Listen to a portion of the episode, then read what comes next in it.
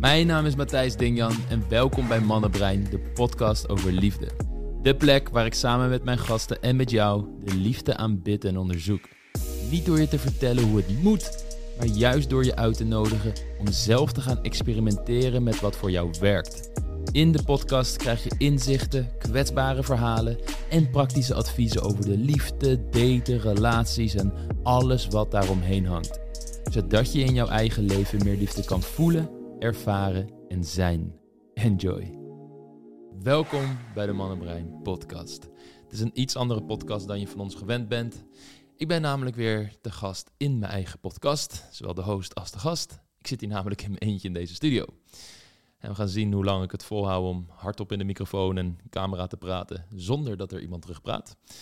Maar de ervaring leert dat ik dat redelijk lang kan volhouden. Ik heb het één keer eerder gedaan. Dat was uh, podcast nummer 58, waarbij we ingingen op het geheim van, je liefde, van een gelukkig liefdesleven. Waarbij ik het onderwerp liefdesblauwdruk behandelde.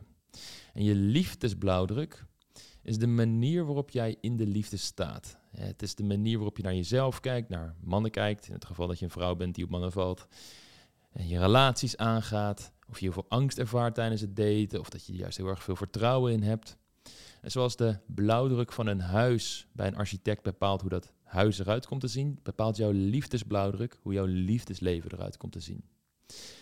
Deze podcast is een vervolg op die podcast, waarbij ik juist meer naar de praktische kant van daten en relaties wil gaan. Vooral in de hedendaagse datingcultuur waar we nu in leven. Want de podcast over de liefdesblauwdruk gaat meer over de waardigheidkant van het daten, terwijl deze podcast meer over de vaardigheidkant van het daten gaat. En het verschil daartussen is dat de waardigheid vooral draait om jouw zelfbeeld en het zelfvertrouwen, de eigenwaarde, de zelfliefde die je ervaart in de liefde, de patronen die jij wellicht hebt meegenomen uit je familiedynamiek, familiedynamiek, eerdere relaties, negatieve ervaringen in het leven, die je meeneemt de liefde in. En de vaardigheidskant draait meer om, oké, hoe pak jij het daten nou concreet aan? En bezit je bepaalde vaardigheden, zoals je emoties reguleren tijdens een moeilijk gesprek? Of weten hoe je WhatsApp-contact leuk houdt. Weten hoe je jezelf kunt zijn tijdens een eerste date. Allerlei van dat soort vragen zullen deze podcast langskomen, zodat je de grootst mogelijke kans hebt dat het ook jou lukt om succesvol te zijn in de liefde. Ook in de huidige tijd. En met succes, dat, dat klinkt gelijk zo dat je iets moet behalen of dat je jezelf heel erg moet pushen om iets gedaan te krijgen. Dat is niet hoe ik succes in de liefde definieer. Waar het echt om gaat is dat jij een liefdesleven creëert waarin jij je gelukkig voelt. Waarbij jij de liefde kunt geven en ontvangen zoals je dat graag wil. En of dat nou met één partner is of zelfs met meerdere partners, als jij aan polygamie doet en, en dat meer ziet als de optimale optie voor jouw liefdesleven. Of dat jij single wil blijven en gewoon wil daten voor de leuk. En af en toe wat mannen wil ontmoeten en meer niet. Ik, ik, ik heb daar geen oordeel over. En ik denk dat iedereen heel goed voor zichzelf moet nadenken over... wat is nou die relatievisie die ik heb, die liefdesvisie... waar ik van weet dat die visie helemaal in lijn is met de behoeften die ik heb in het leven... met hoe ik authentiek in het leven wil staan en waarbij ik me niet laat tegenhouden door angst over wat mogelijk is, ja of nee, of dit wel realistisch is. Nee, ik heb het echt iets over een, een visie voor jouw liefdesleven die je energie geeft, waar je zoiets van hebt, ja, dat geeft mij de intrinsieke motivatie om aan mezelf te werken, om stappen te zetten, om buiten mijn comfortzone te gaan, omdat ik weet dat, dat het waard is om na te streven. En in deze podcast wil ik je meenemen naar het allereerste moment van de ontmoeting en het zoeken van een juiste partner, tot het moment dat jullie daadwerkelijk ook in een liefdevolle relatie zitten, en zelfs nog een stukje daarna. Want ik krijg heel veel vragen bij me via onze Instagram, via TikTok, via de mail, via Facebook. We krijgen nog net geen postduiven die hier eh, brieven afleveren. Maar al die vragen, er zit een groot thema in. En dat is dat mensen tegen problemen aanlopen in de liefde. Trouwens, niet alle vragen. Soms krijgen we ook wel hele mooie berichten bij ons van mensen die juist met advies aan de slag zijn gegaan en hele mooie, liefdevolle relaties hebben. maar goed, ik focus nu vooral eventjes op de problemen. En één groot probleem wat ik vaak tegenkom, is dat mensen het gevoel hebben dat ze in een tijd leven, of in ieder geval in hun persoonlijke leven het zo ervaren, dat het heel moeilijk is om een liefdevolle relatie te krijgen. En als je er al eentje hebt, om die ook nog eens liefdevol te behouden. En daarom wil ik je meenemen hoe dat hele pad eruit kunt, uitziet. Hoe je een liefdevolle relatie kunt krijgen, hoe je hem kunt behouden. Waarbij we gaan beginnen aan eerst goed in kaart te brengen. Wat zijn nou die grote problemen waar de meeste mensen tegenaan lopen? Een van de dingen die ik vaak hoor is dat in de huidige tijd, als ik dan vooral dus dit bekijk vanuit het perspectief van vrouwen ten opzichte van mannen, aangezien we dating- en relatieadvies geven aan vrouwen, dat de, in de huidige tijd de meeste mannen niet meer zitten te wachten op een relatie. En dat is een overtuiging die je gigantisch kan tegenhouden in de liefde, omdat je heel erg angstig maakt, heel erg wantrouwend kan zijn. En je ook heel veel plezier kan ontnemen uit het daten. Omdat als je met die overtuiging gaat daten en je denkt van ja, maar het wordt waarschijnlijk toch geen relatie. Dan ben je als het ware de hele tijd op je hoede. Vooral vanuit angst aan het reageren. Heel erg bezig met oké, zit het nog wel goed met tussen mij en deze man? Terwijl daten juist hoort het gaan over plezier hebben in de liefde. Echt jezelf kunnen zijn, kunnen genieten. En dit is ook nog eens een overtuiging die niet waar is. Als je kijkt naar hoeveel relaties er elk jaar weer opnieuw begonnen worden tussen twee mensen die verliefd zijn geworden op elkaar, dan is dat gigantisch. En dan zeggen dat mannen, alsof alle mannen niet meer op zoek zijn naar een relatie, is een ontkenning van de realiteit dat er constant, dagelijks mannen kiezen voor een relatie. En het is niet dat ze die relatie ingetrukt zijn of wat dan ook. Nee, die met een volle verstand en een volle hart kiezen voor een vrouw met wie ze hun leven willen spenderen.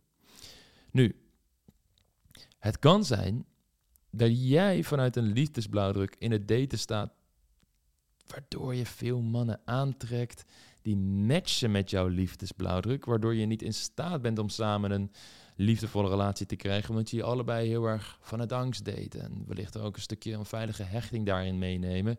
En wanneer het bijvoorbeeld, als ik een typisch voorbeeld erbij pak, de man te heet onder de voeten wordt, dat er een bepaalde bindingsangst getriggerd wordt, wat bij jou weer verlatingsangst triggert, wat een dynamiek creëert, een liefdesbange dans die jullie juist verder uiteendrijft. En dat je daardoor zoiets zet van, ja shit, zie je, uh, mannen zitten helemaal niet op binding, op hechting, op een officiële relatie te wachten. Want wat ik elke keer meemaak is dat zodra het serieus wordt, dat mannen afhaken. Maar waar je dan wellicht aan voorbij gaat, is dat jij zelf een grote factor bent in het aantrekken van mannen met een instabiele liefdesblauwdruk, die inderdaad veel meer moeite hebben om een relatie aan te gaan. En al helemaal als jij dan zelf ook vanuit een toch wat meer angstige liefdesblauwdruk, soms ook instabiliteit en onveiligheid in zitten, in dat contact staat. En dan creëren jullie als het ware samen een dynamiek waaruit geen liefdevolle relatie kan voortkomen.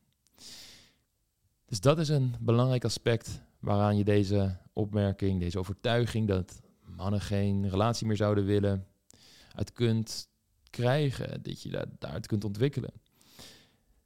Een ander groot aspect wat ik zie daarbij is zelfs wanneer je dan een partner ontmoet met wie het in potentie zou kunnen klikken en jullie gaan proberen dat relatiepad te bewandelen, dat er wellicht nog allerlei patronen zijn, voortkomend uit bepaalde overtuigingen, uit bepaalde gevoelens die wellicht nog uit het verleden een rol spelen, uh, bepaalde gedachten die je belemmeren, waardoor je niet helemaal je vrije, leuke zelf kan zijn en er daardoor ook niet de diepe aantrekkingskracht en de diepe connectie ontstaat, waardoor die man wellicht ook niet de verliefde gevoelens bij jou ervaart. En dan krijg je misschien dingen te horen zoals, ja, hey, je bent echt een hartstikke leuke vrouw, je bent super lief, uh, je verdient echt een goede man, maar ik voel het niet.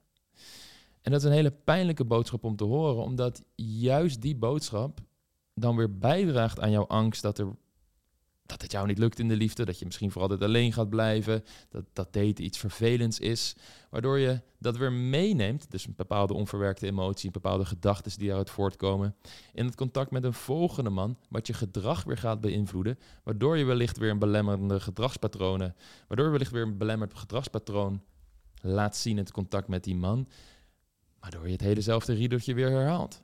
En soms kun je dan zelfs toch nog in een relatie met iemand terechtkomen.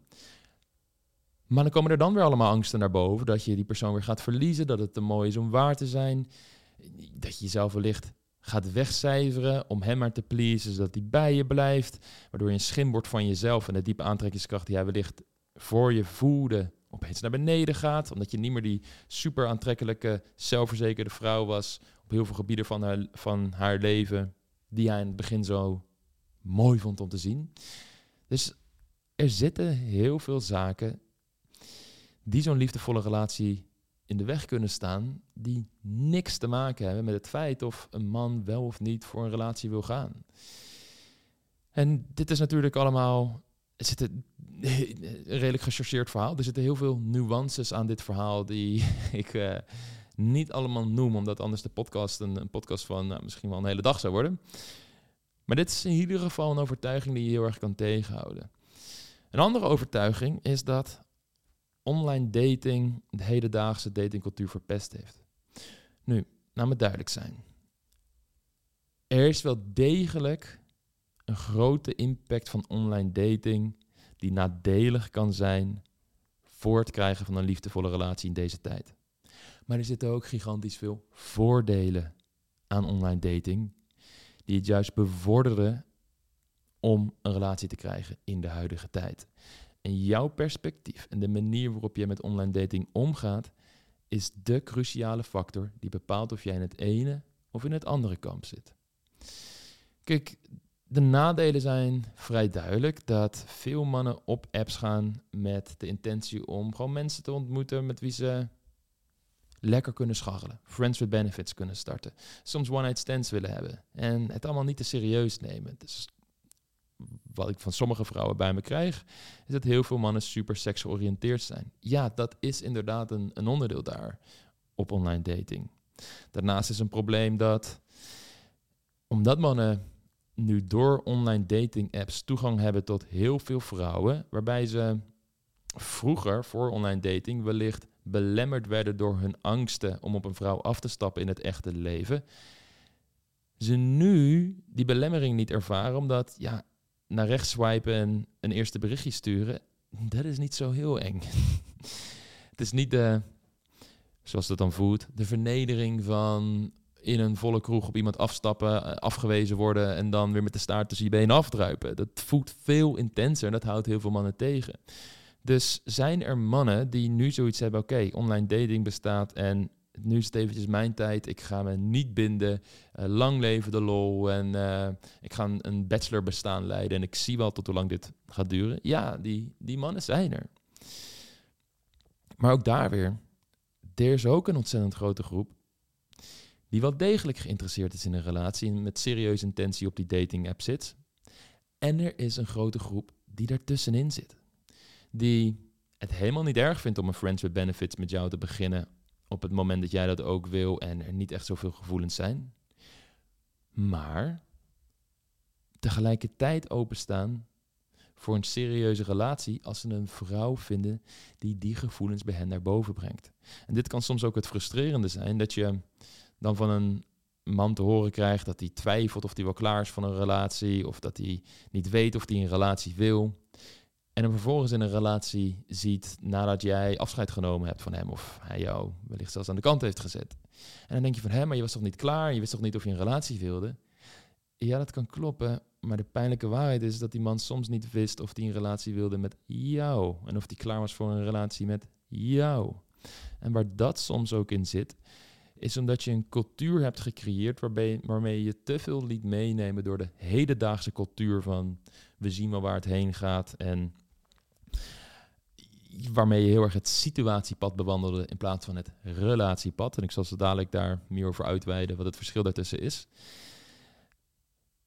Maar wanneer je op zo'n manier op gaat stellen en het, relatie, het situatiepad bewandelt, niet durft uit te komen voor wat jij echt wil, niet op relatiegerichte dates gaat, moeilijke gesprekken uit de weg gaat en allerlei zaken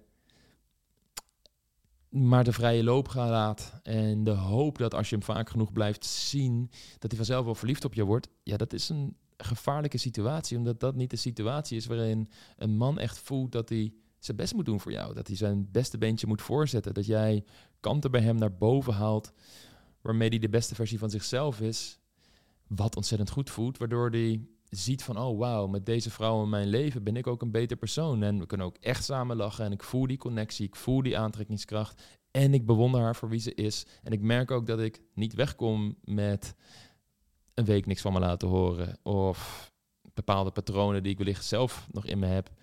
Omdat ze dat niet tolereert. En dat op een hele mooie, liefdevolle, volwassen manier met mij weet te communiceren.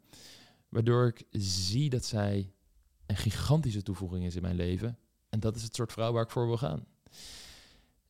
En dit kan misschien nu ook weer klinken als dat je als vrouw dan allemaal dingen moet doen om maar een man aan je te binden. En dat is het niet. Wat ik hier beschrijf is de volwassen manier om in liefde te staan vanuit een sterke liefdesblauwdruk. En dat geldt net zo hard voor een man. Al deze dingen zoek je ook in een partner. Want dan kun je echt een team vormen waarbij je het beste bij elkaar naar boven haalt en op de lange termijn het vertrouwen hebt en de vaardigheden hebt en de liefde kunt blijven voelen om die relatie te laten werken. Dus het is zeker niet zo dat je als vrouw al deze dingen moet doen en die man achterover kan leunen en jij moet bewijzen dat jij een bewonderingswaardige vrouw bent. Nee, die dingen wil je ook bij een man ervaren. Maar juist als jij zo'n sterke liefdesblauwdruk ontwikkelt en op zo'n krachtige, volwassen, maar ook liefdevolle manier gaat communiceren, dan zal je ook geen genoegen nemen met mannen die dat niet zelf ontwikkeld hebben. Omdat die energie dan niet resoneert met jou. En omdat je niet bang bent om alleen te zijn. Omdat je zoiets hebt van ja, ik voel me goed. En vanuit dit gevoel weet ik dat het wel goed komt met op het moment dat ik de juiste tegenkom en dat ik niet hoef te settelen. Dus dit al een stukje inleiding naar twee grote hmm, problemen die veel mensen ervaren in de huidige dating, vooral vrouwen um, ervaren in, het huidige, in de huidige datingcultuur, waarbij één de overtuiging is dat er veel mannen zijn die liever bachelor willen zijn en geen relatie meer willen. En twee, dat online dating een plek is die het daten verpest heeft. Beide overtuigingen kloppen niet. Maar de enige manier dat je gaat ervaren dat deze overtuigingen niet kloppen, is als jij een eigen datingcultuur gaat creëren met je eigen normen en waarden die gericht zijn op het relatiepad en voortkomen uit een sterke liefdesblauwdruk. Want als jij vanuit die sterke liefdesblauwdruk voelt dat je al echt gelukkig bent met jezelf, in jezelf, een man niet nodig hebt om een bepaalde eenzaamheid op te lossen. En let op, ik zeg eenzaamheid, want ik kan echt wel begrijpen dat als je alleen bent en je woont op jezelf, dat je af en toe alleen kunt voelen. Maar eenzaamheid is wat anders. Eenzaamheid draait om het gevoel van een gebrek aan verbinding. En dat gevoel van gebrek aan verbinding, dat kan ervoor zorgen dat je denkt dat een relatie jouw gebrek aan verbinding gaat wegnemen. En dit zet je in een hele gevaarlijke positie omdat verbinding en de behoefte aan verbinding altijd op twee manieren vervuld wordt. De eerste manier is in de directe relatie tot jezelf, dat je je verbonden voelt met jezelf. En de tweede manier is je verbinding met andere mensen. En als jij die verbinding met jezelf niet ervaart, en je probeert daarmee, en je probeert de complete behoefte aan verbinding te voldoen door de liefde of zelfs een soort surrogaatliefde, namelijk aandacht van een man, dan zet je jezelf in een hele afhankelijke positie en een kwetsbare positie.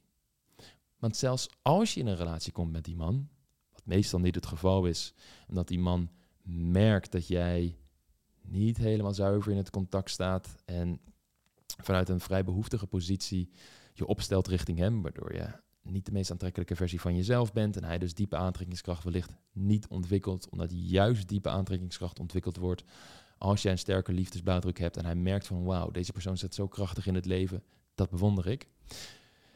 Maar als hij dus merkt van oké, dat stukje verbinding ervaart ze niet in zichzelf, is de kans zo klein dat je in een relatie met zo'n man komt. Maar zelfs als je in een relatie met hem komt, dan zou je nog heel erg bang zijn dat je hem weer verliest.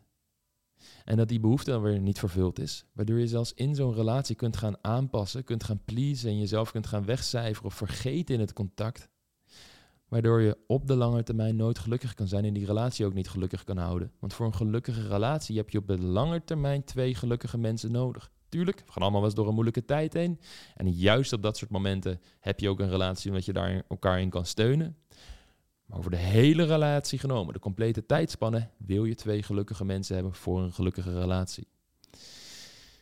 Dus die behoefte aan verbinding moet echt bij jezelf vervuld worden. En als je die behoefte aan verbinding bij jezelf vervult, dan zul je merken dat je vanuit daar op een compleet andere manier met mannen in het contact komt te staan.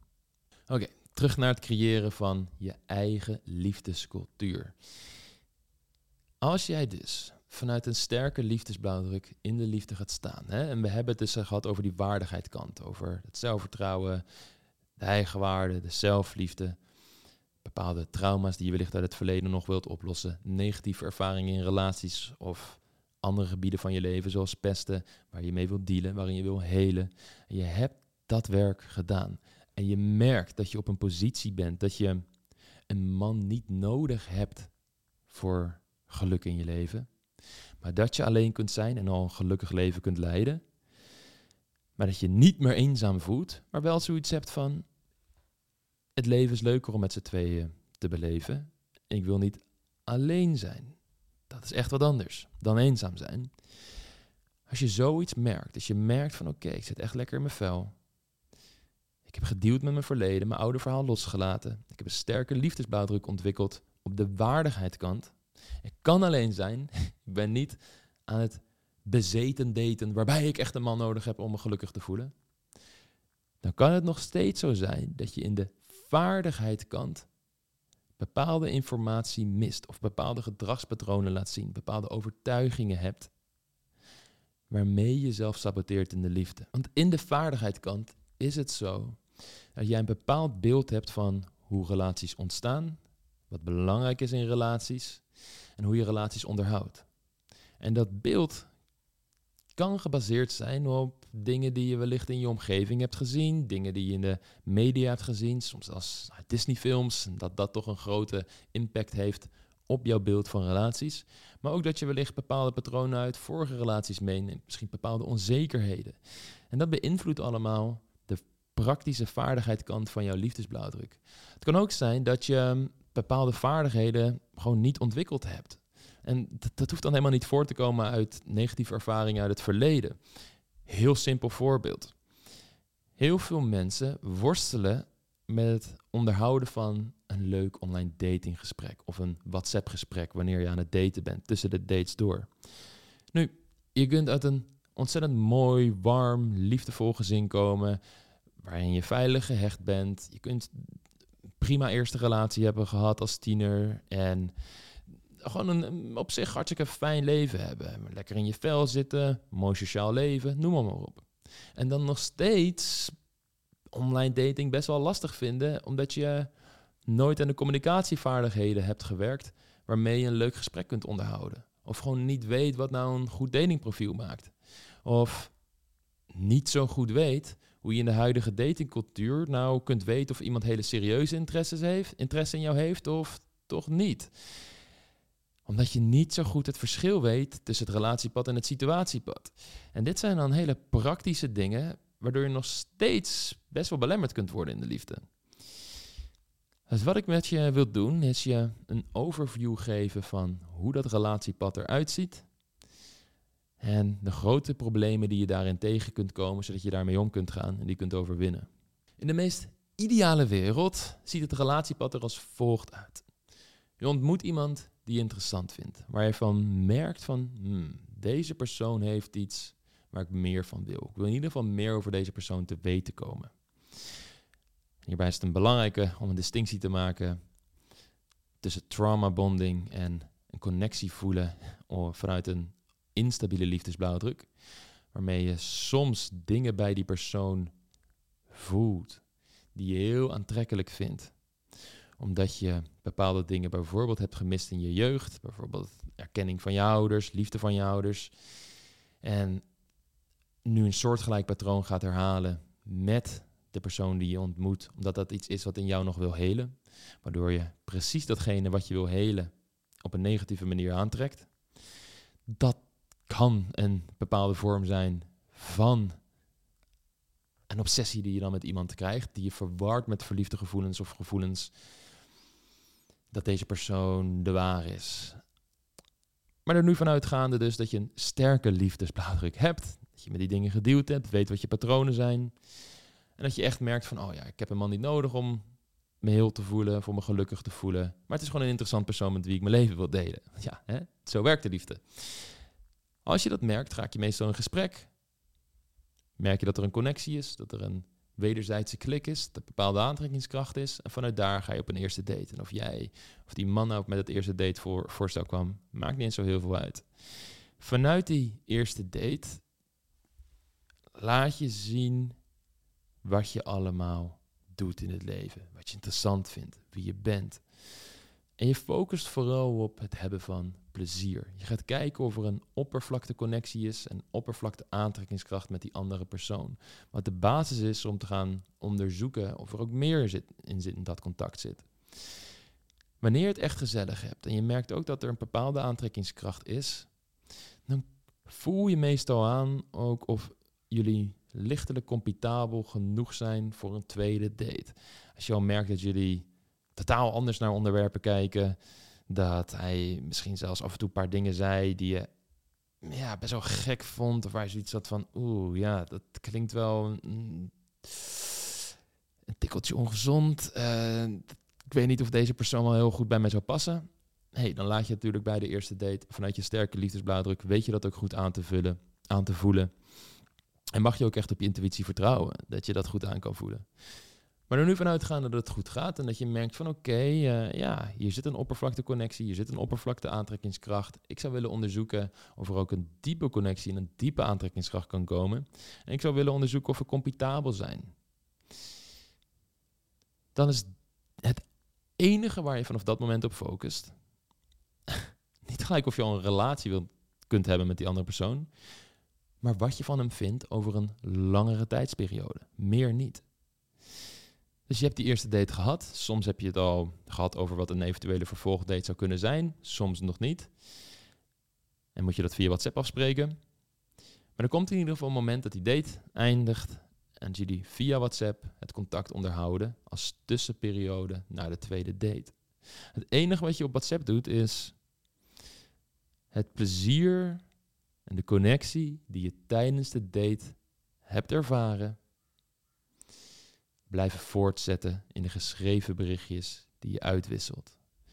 WhatsApp draait niet om alle feitelijkheden van iemands leven boven water te krijgen. Het draait vooral om nog steeds positieve emoties bij elkaar op te wekken.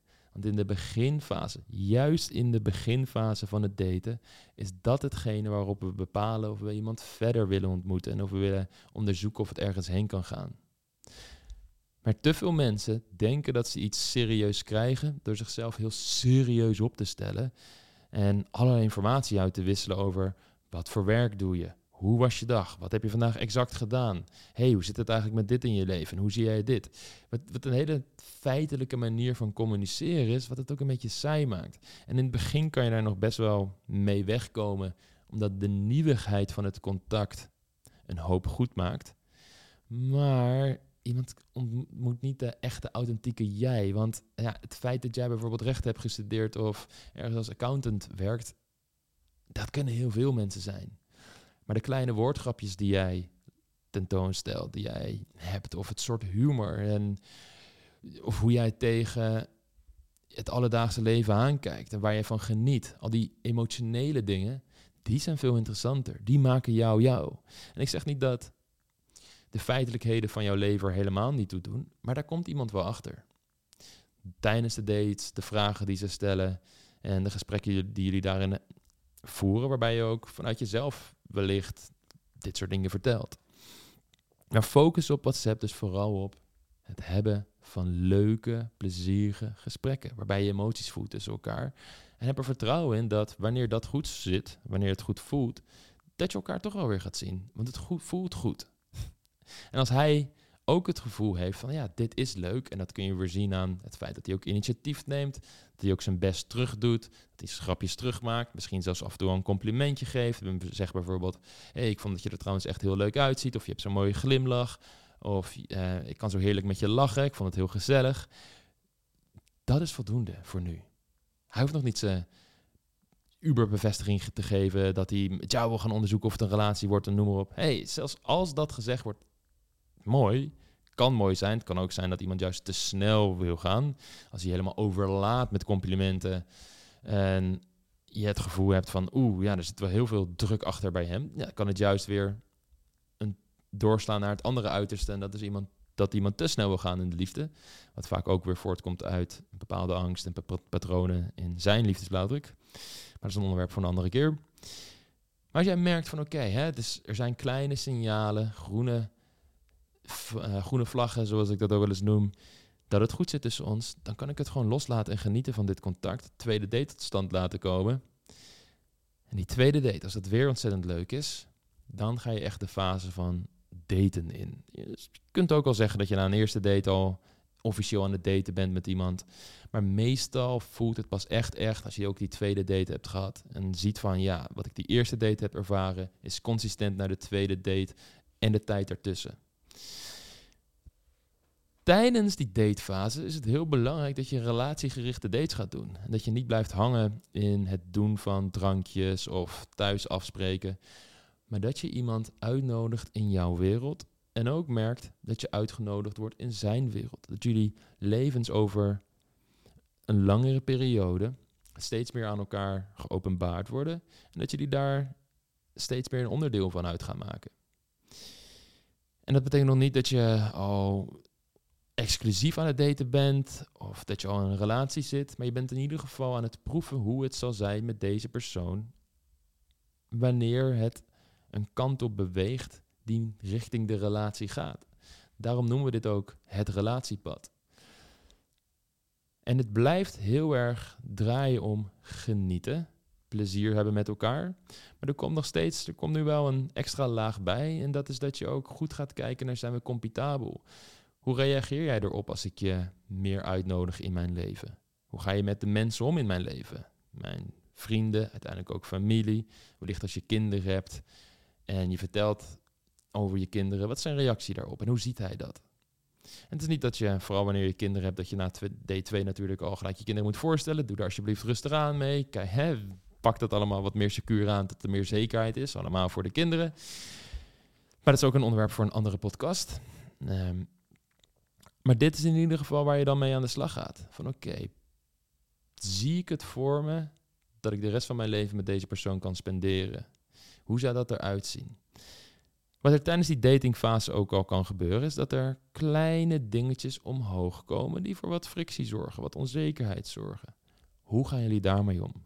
Durf je dat bespreekbaar te maken? Durf je je authentieke gevoelens te laten zien? Wel op een manier dat je daar ook verantwoordelijkheid over neemt. Je stort het niet over iemand heen. En als jij merkt van oké, een bepaalde angst of onzekerheid heeft wellicht niet zoveel met hem te maken, maar meer met ervaring uit het verleden. Durf je dat ook naar hem te communiceren? Van hé, hey, ik zit hier en hier mee, wat wellicht helemaal niet door jouw gedrag komt, maar iets wat in mij is, maar omdat ik eerlijkheid zo belangrijk vind, wil ik dat wel gewoon met je delen. Als je op zo'n manier durft te communiceren en echt durft te laten zien wie je bent, waar je voor staat, dan maak je dat een bewonderingswaardig mens. Omdat iedereen onzekerheden heeft. Iedereen heeft dingen waar ze mee worstelen. En wanneer we iemand ontmoeten die daar verantwoordelijkheid over neemt en niet voor wegloopt, focust op groei, focust op ontwikkeling, maar tegelijkertijd ook zichzelf niet groter voordoet dan ze echt is, dan merken we dat die persoon rauw authentiek is. En dat is een heel fijn om bij in de buurt te zijn, omdat wij die kanten van onszelf dan ook echt kunnen laten zien en daarin gezien worden. En dat zorgt voor een diepe connectie met iemand. Wat verder gaat dan de oppervlakte connectie van een leuke klik, we hebben het gezellig, en we hebben een hele fijne tijd samen. En dit is een gebied wat veel mensen eng vinden. Omdat dit diepe connectie het stuk is wat je het meest blootlegt. Dit is wat jij in het diepste van je kern ervaart in het leven, de onzekerheden, de angsten, maar misschien ook de dromen die je hebt. En wanneer je die gaat blootleggen, wanneer je daarover gaat spreken, dan voelt dat soms een beetje kwetsbaar aan. Maar als jij jezelf daarin helemaal kunt accepteren, durf te gaan staan voor wie je echt bent en jouw licht de wereld in laat schijnen als metafoor voor jouw authentieke gedachten, gevoelens durft te uiten, dan geeft dat juist ook een ontzettende kracht. Wanneer je het vertrouwen hebt dat je ook oké gaat zijn dat je dit uit naar iemand en iemand het wellicht anders ziet. Of dat je dit kunt uiten naar iemand en dat misschien toch niks wordt met die persoon. Maar dat je er oké mee bent, omdat je in ieder geval authentiek bent geweest en dat dat een belangrijke waarde is in jouw leven, die belangrijker is dan wat een andere persoon daarvan vindt. Dus wanneer je jezelf op zo'n manier gaat opstellen in dat contact, dan ga je voorbij de oppervlakte connectie, het gezellig hebben. En kom je er steeds meer achter of je ook diepere gesprekken met die persoon kunt hebben en hoe ze naar het leven kijken. En daarin kun je een hele sterke connectie gaan ervaren.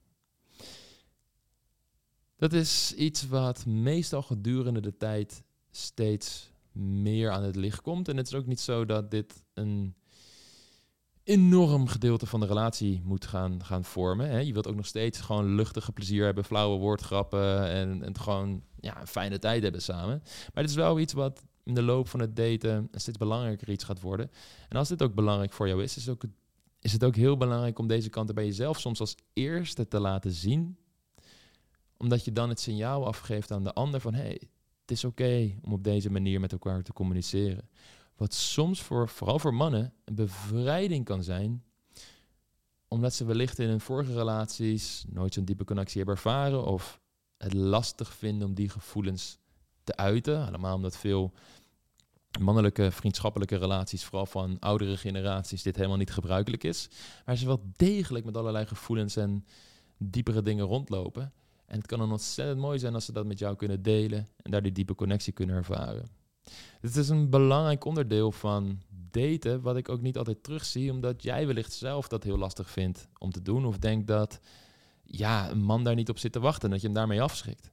Je schrikt een man er niet mee af, zolang jij de verantwoordelijkheid over al die gevoelens en diepere inzichten behoudt. En het hoeft ook niet altijd iets zwaars te zijn over iets wat je hebt meegemaakt en waar je mee worstelt. Het, kan ook een, een, droom zijn over iets wat je nog graag wilt doen in het leven. Uh, het kan zijn dat je vertelt over een goede vriendin die misschien door een moeilijke tijd heen gaat en hoe je dat ziet en hoe je ervoor er bent. Dat zijn allemaal diepe connectieonderwerpen die wat gevoeliger zijn, maar die wel jouw prachtige kanten van jouw persoonlijkheid tentoonstellen.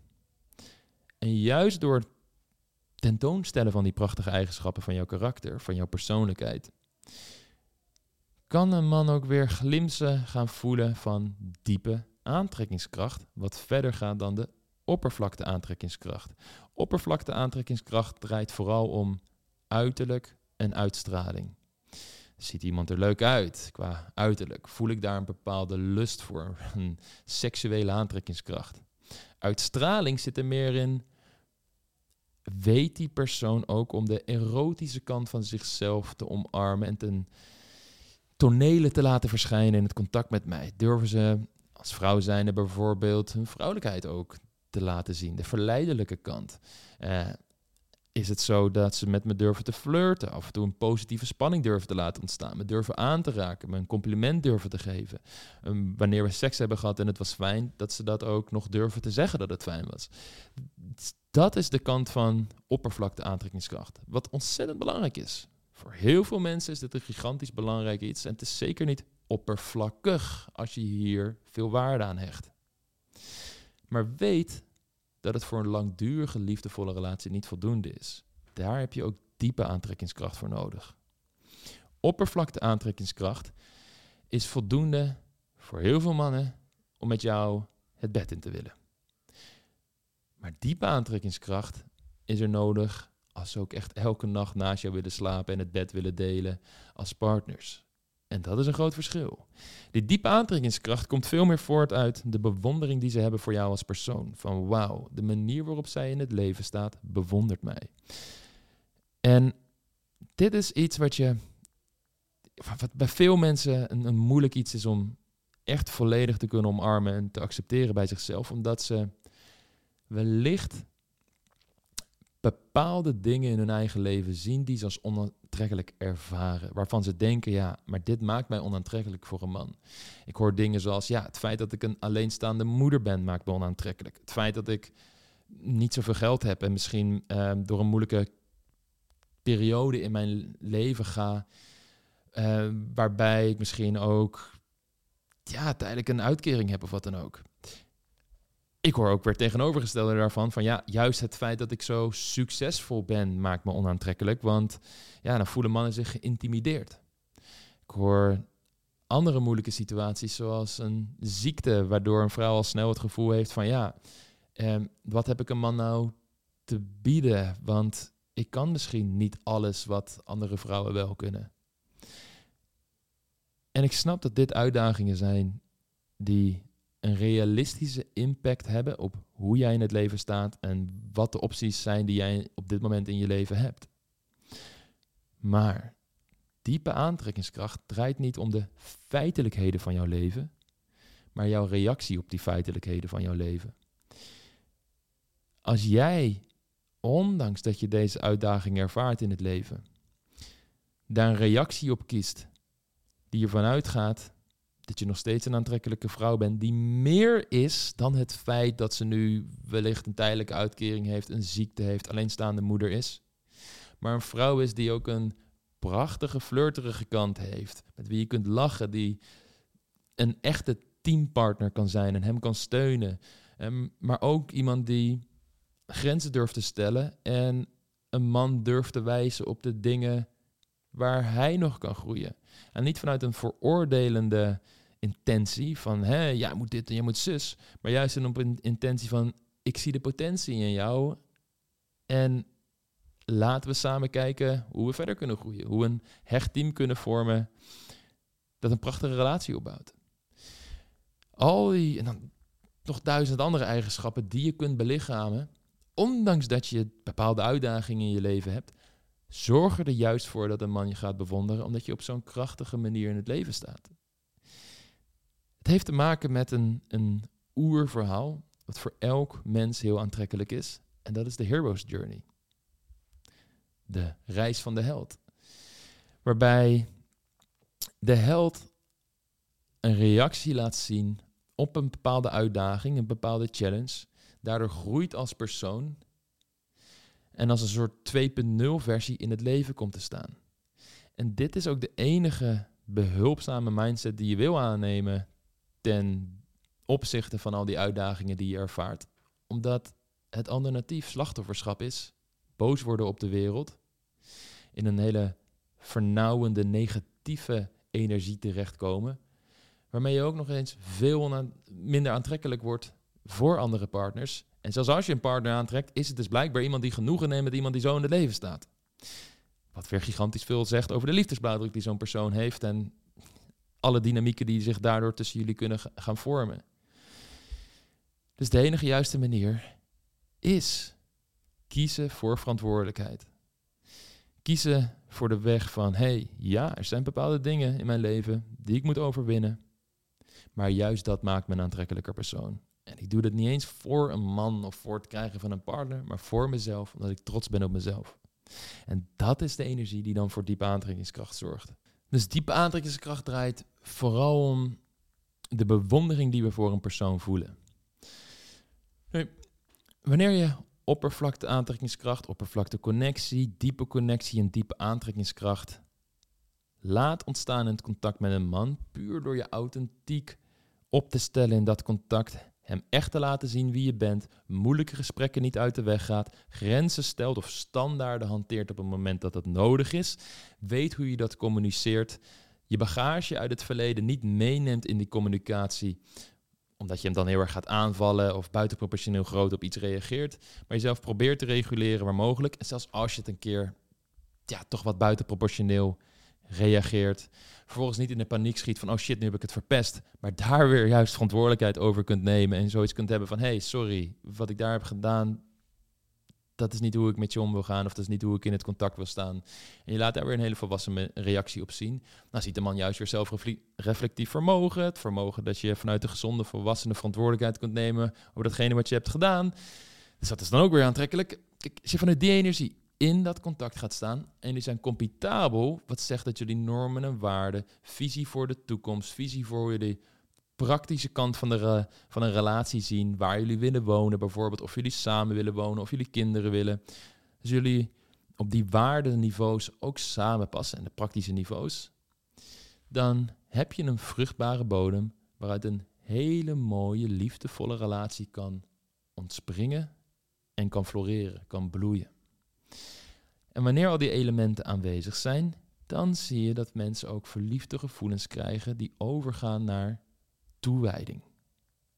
En dit is het belangrijke verschil tussen alleen verliefde gevoelens, wat niet voldoende is, en toewijding.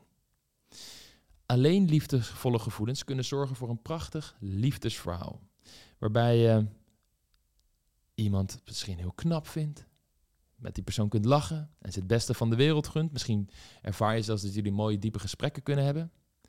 Maar omdat het vaak in de diepe aantrekkingskracht dan toch ontbreekt, komen er geen dusdanige diepe gevoelens dat het ook een toewijdingsverhaal kan worden. Soms ervaar je een liefdesverhaal met iemand die gewoon echt niet klaar is in zijn leven voor een relatie, omdat hij toch nog met bepaalde dingen moet dealen waar hij nog niet mee gedeeld heeft. Misschien komt hij net uit een ontzettend lang huwelijk en wil hij gewoon nog geen nieuwe relatie. Um, misschien is het iemand die heel ver weg woont. En is dat een belemmering voor de echte toewijding voor de relatie? Vaak zijn dit dingen die je wel degelijk al had kunnen zien aankomen op het moment dat je echt vanuit diepe aantrekkingskracht en een sterke liefdesbouw in de dating ging staan, omdat je al vrij snel merkt of iemand mee kan gaan op het relatiepad en er progressie is richting die relatie. En wanneer die progressie er niet is, maak je dat bespreekbaar en zie je weer wat zijn reactie daarop is. Dus ik hoor heel vaak mensen zeggen van ja, al die elementen die er waren aanwezig, maar toch wil die geen relatie. Nee, dan was er waarschijnlijk een element niet aanwezig. En is het geen levensverhaal geworden. En een levensverhaal is een liefdesverhaal plus toewijding, waardoor je het leven samen kunt spenderen. En daardoor zit je op het situatiepad. Dus ik heb het nu echt over dat alle elementen echt aanwezig waren. Er is oppervlakte, connectie en aantrekkingskracht, een diepe aantrekkingskracht en connectie. Er zijn gevoelens, die zijn compatibel en je spreken toewijding naar elkaar uit. Dat is het moment dat je in een officiële relatie zit. En dat is het moment dat jullie de kans hebben, om nu de relatie nog vers is, een fundament te leggen waarop de rest van de relatie gebouwd kan worden. En daarmee bedoel ik dat al die prachtige kanten waardoor jullie verliefd zijn geworden op elkaar, nu gepaard moeten worden met de kanten die de liefde in de relatie houden. Want jullie nemen allebei allerlei gewoontes en patronen en overtuigingen mee uit het verleden, uit jullie familiesysteem, uit eerdere relaties, overtuigingen die je hebt opgedaan door podcasts die je geluisterd hebt of, of voorbeelden uit het verleden van mensen die misschien een bepaald inzicht gaven over relaties. Je dacht dat het een inzicht was, maar eigenlijk iets is wat je helemaal niet helpt in een liefdevolle relatie. Want er is ook veel slechte informatie op het internet. Al die dingen, die gaan elkaar tegenkomen en voor frictie zorgen. In een liefdevolle relatie is er ook frictie. Dat hoort bij relaties. Maar de manier waarop jullie daarmee omgaan bepaalt of het een succesvolle relatie gaat zijn. Of dat het een relatie is waar het vuurtje langzaam dooft. Of waarbij er zulke heftige ruzies zijn dat jullie vechtend uit elkaar gaan. En ter verduidelijking trouwens, wanneer het vuurtje dooft. Het vuurtje dooft dat jullie bijvoorbeeld merken van oké, er is zoveel frictie dat een van de twee partners zich dan maar heel erg gaat aanpassen aan de ander om de vrede te bewaren. Waardoor het een ongelijke relatie wordt en de liefde daardoor uit gaat doven. Omdat de ene partner misschien met heel veel rancune ten opzichte van, en verwijten zit tegen, tegen opzichte van de andere partner. En die partner weer zoiets heeft van ja, ik voel niks meer bij deze partner, want ik word niet uitgedaagd. En het is een soort, soort push-over, een soort walkover. Er kunnen allerlei dynamieken ontstaan. En dan kan de liefde daardoor langzaam uitdoven, omdat om lief voor liefde het wel degelijk belangrijk is dat er veiligheid is in de relatie, maar ook nieuwe impulsen komen. Dat je elkaar blijven ontdekken, dat jullie je best doen, blijven doen voor elkaar. En dat kan er alleen zijn als beide partners toegewijd zijn. De kant in zichzelf durven aan te kijken waarbij ze zoiets hebben van: oké, dit patroon wat ik hier vertoon, wellicht is het uh, heel boos worden op het moment dat ik een beetje zagrijnig ben. En dat ik dan heel erg loop te fitten op mijn partner en ze niks goed kan doen. Dat is een stukje dat ik in mezelf moet aanpakken. Misschien komt het voort uit wat ik thuis heb gezien als mijn vader heel zagrijnig was en iedereen hem moest ontwijken. Een beetje met rust moest laten. Misschien is het dat je merkt van oké, ik merk dat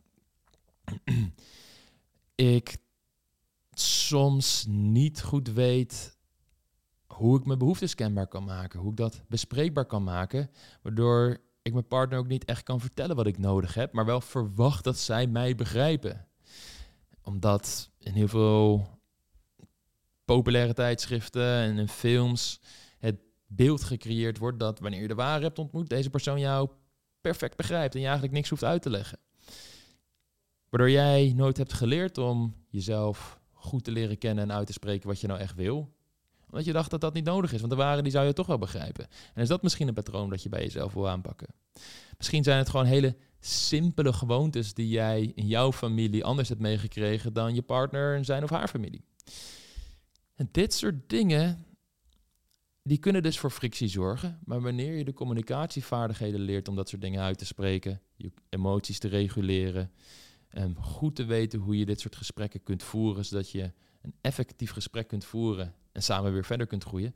Dat bouwt heel veel vertrouwen in de relatie, omdat jullie laten zien dat jullie problemen niet onder het tapijt schuiven, maar de moeilijke gesprekken voeren die nodig zijn om daarna juist meer rust en kalmte en weer ook plezier te ervaren. Want vanuit de rust en kalmte kun je weer heel veel plezier gaan maken met elkaar, omdat je niet met allemaal opgekropte emoties of verwijten zit, maar die zijn juist verwerkt, waardoor er de complete schaal van jouw gedachten en gedragingen weer gefocust kunnen zijn op juist de leuke dingen van de relatie in plaats van alle dingen die misgaan.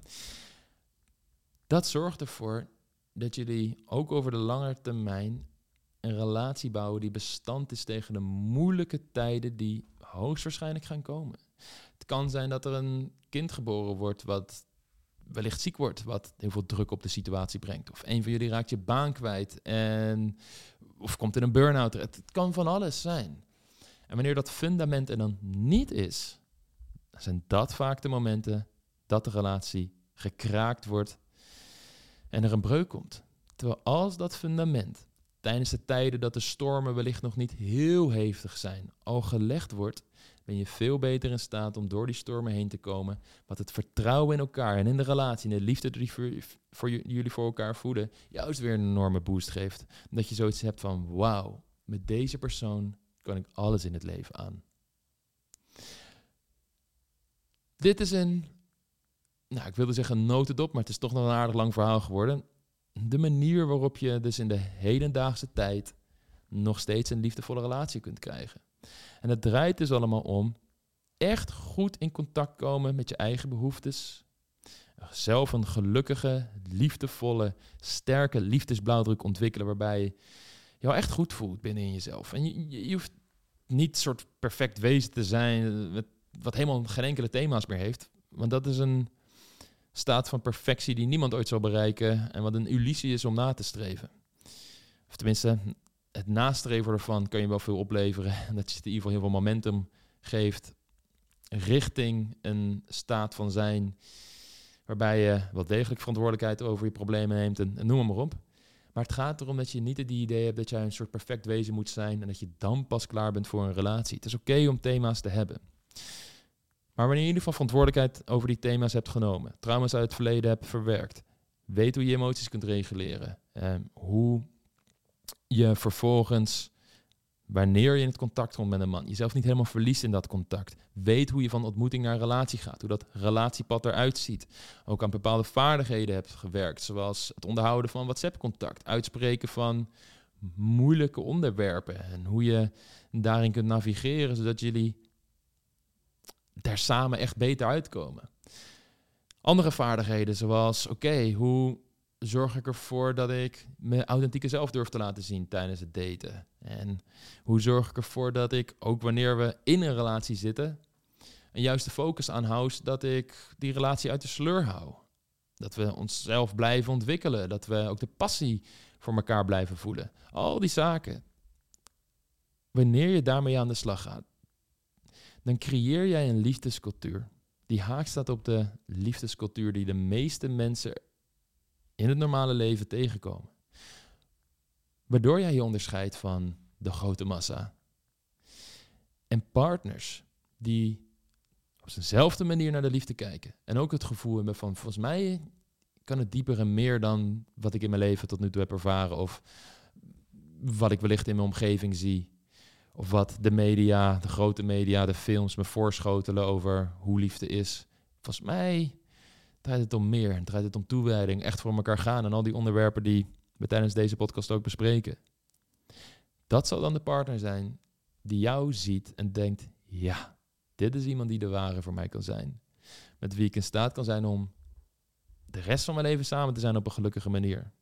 Als we er allebei toegewijd aan zijn. Maar het is dus echt aan jou om verantwoordelijkheid te nemen over jouw liefdesleven. Over je liefdesblauwdruk aan de waardigheidskant.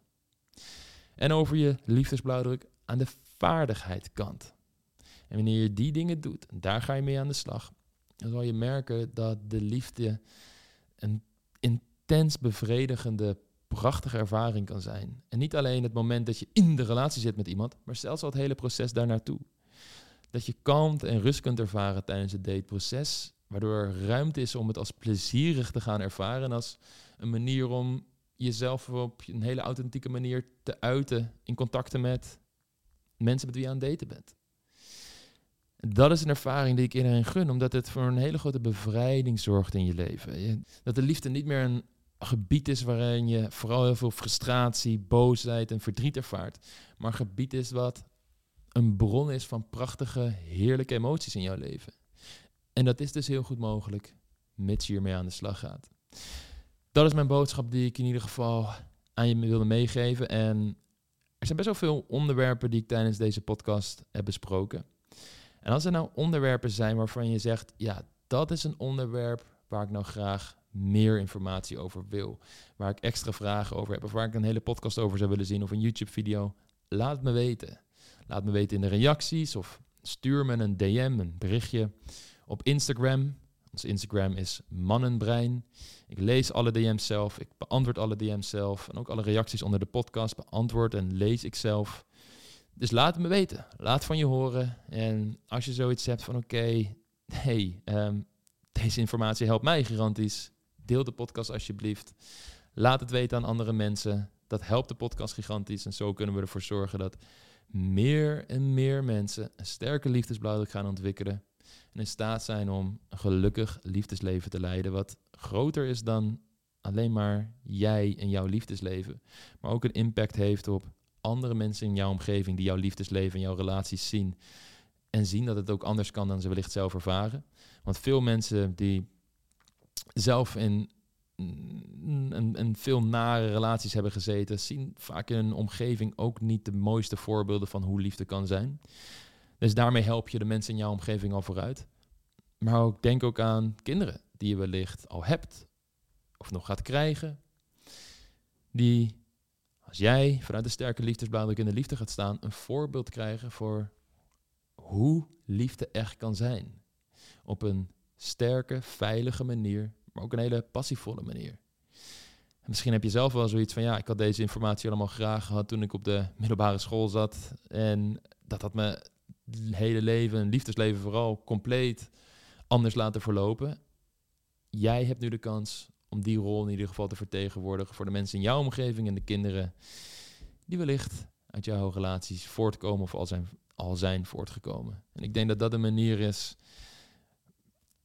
waarop je de impact veel groter maakt dan alleen jezelf. En wat je ook heel veel energie kan geven om aan jezelf te werken. Wat weer bij gaat dragen dat je dit ook echt een gebied wordt in je leven waarin je optimaal geluk gaat ervaren. Dat is in ieder geval wat ik je gun. Dat is in ieder geval wat ik hoop. En wat we met Mannenbrein ook proberen te doen. Heel erg bedankt voor het luisteren. En uh, mocht je dus vragen hebben, dan weet je me te vinden. Ik ben goed bereikbaar. Dus maak er gebruik van. Dat is nog wat ik zou zeggen. Oké, tot de volgende podcast. Dikke kus. Ciao, ciao.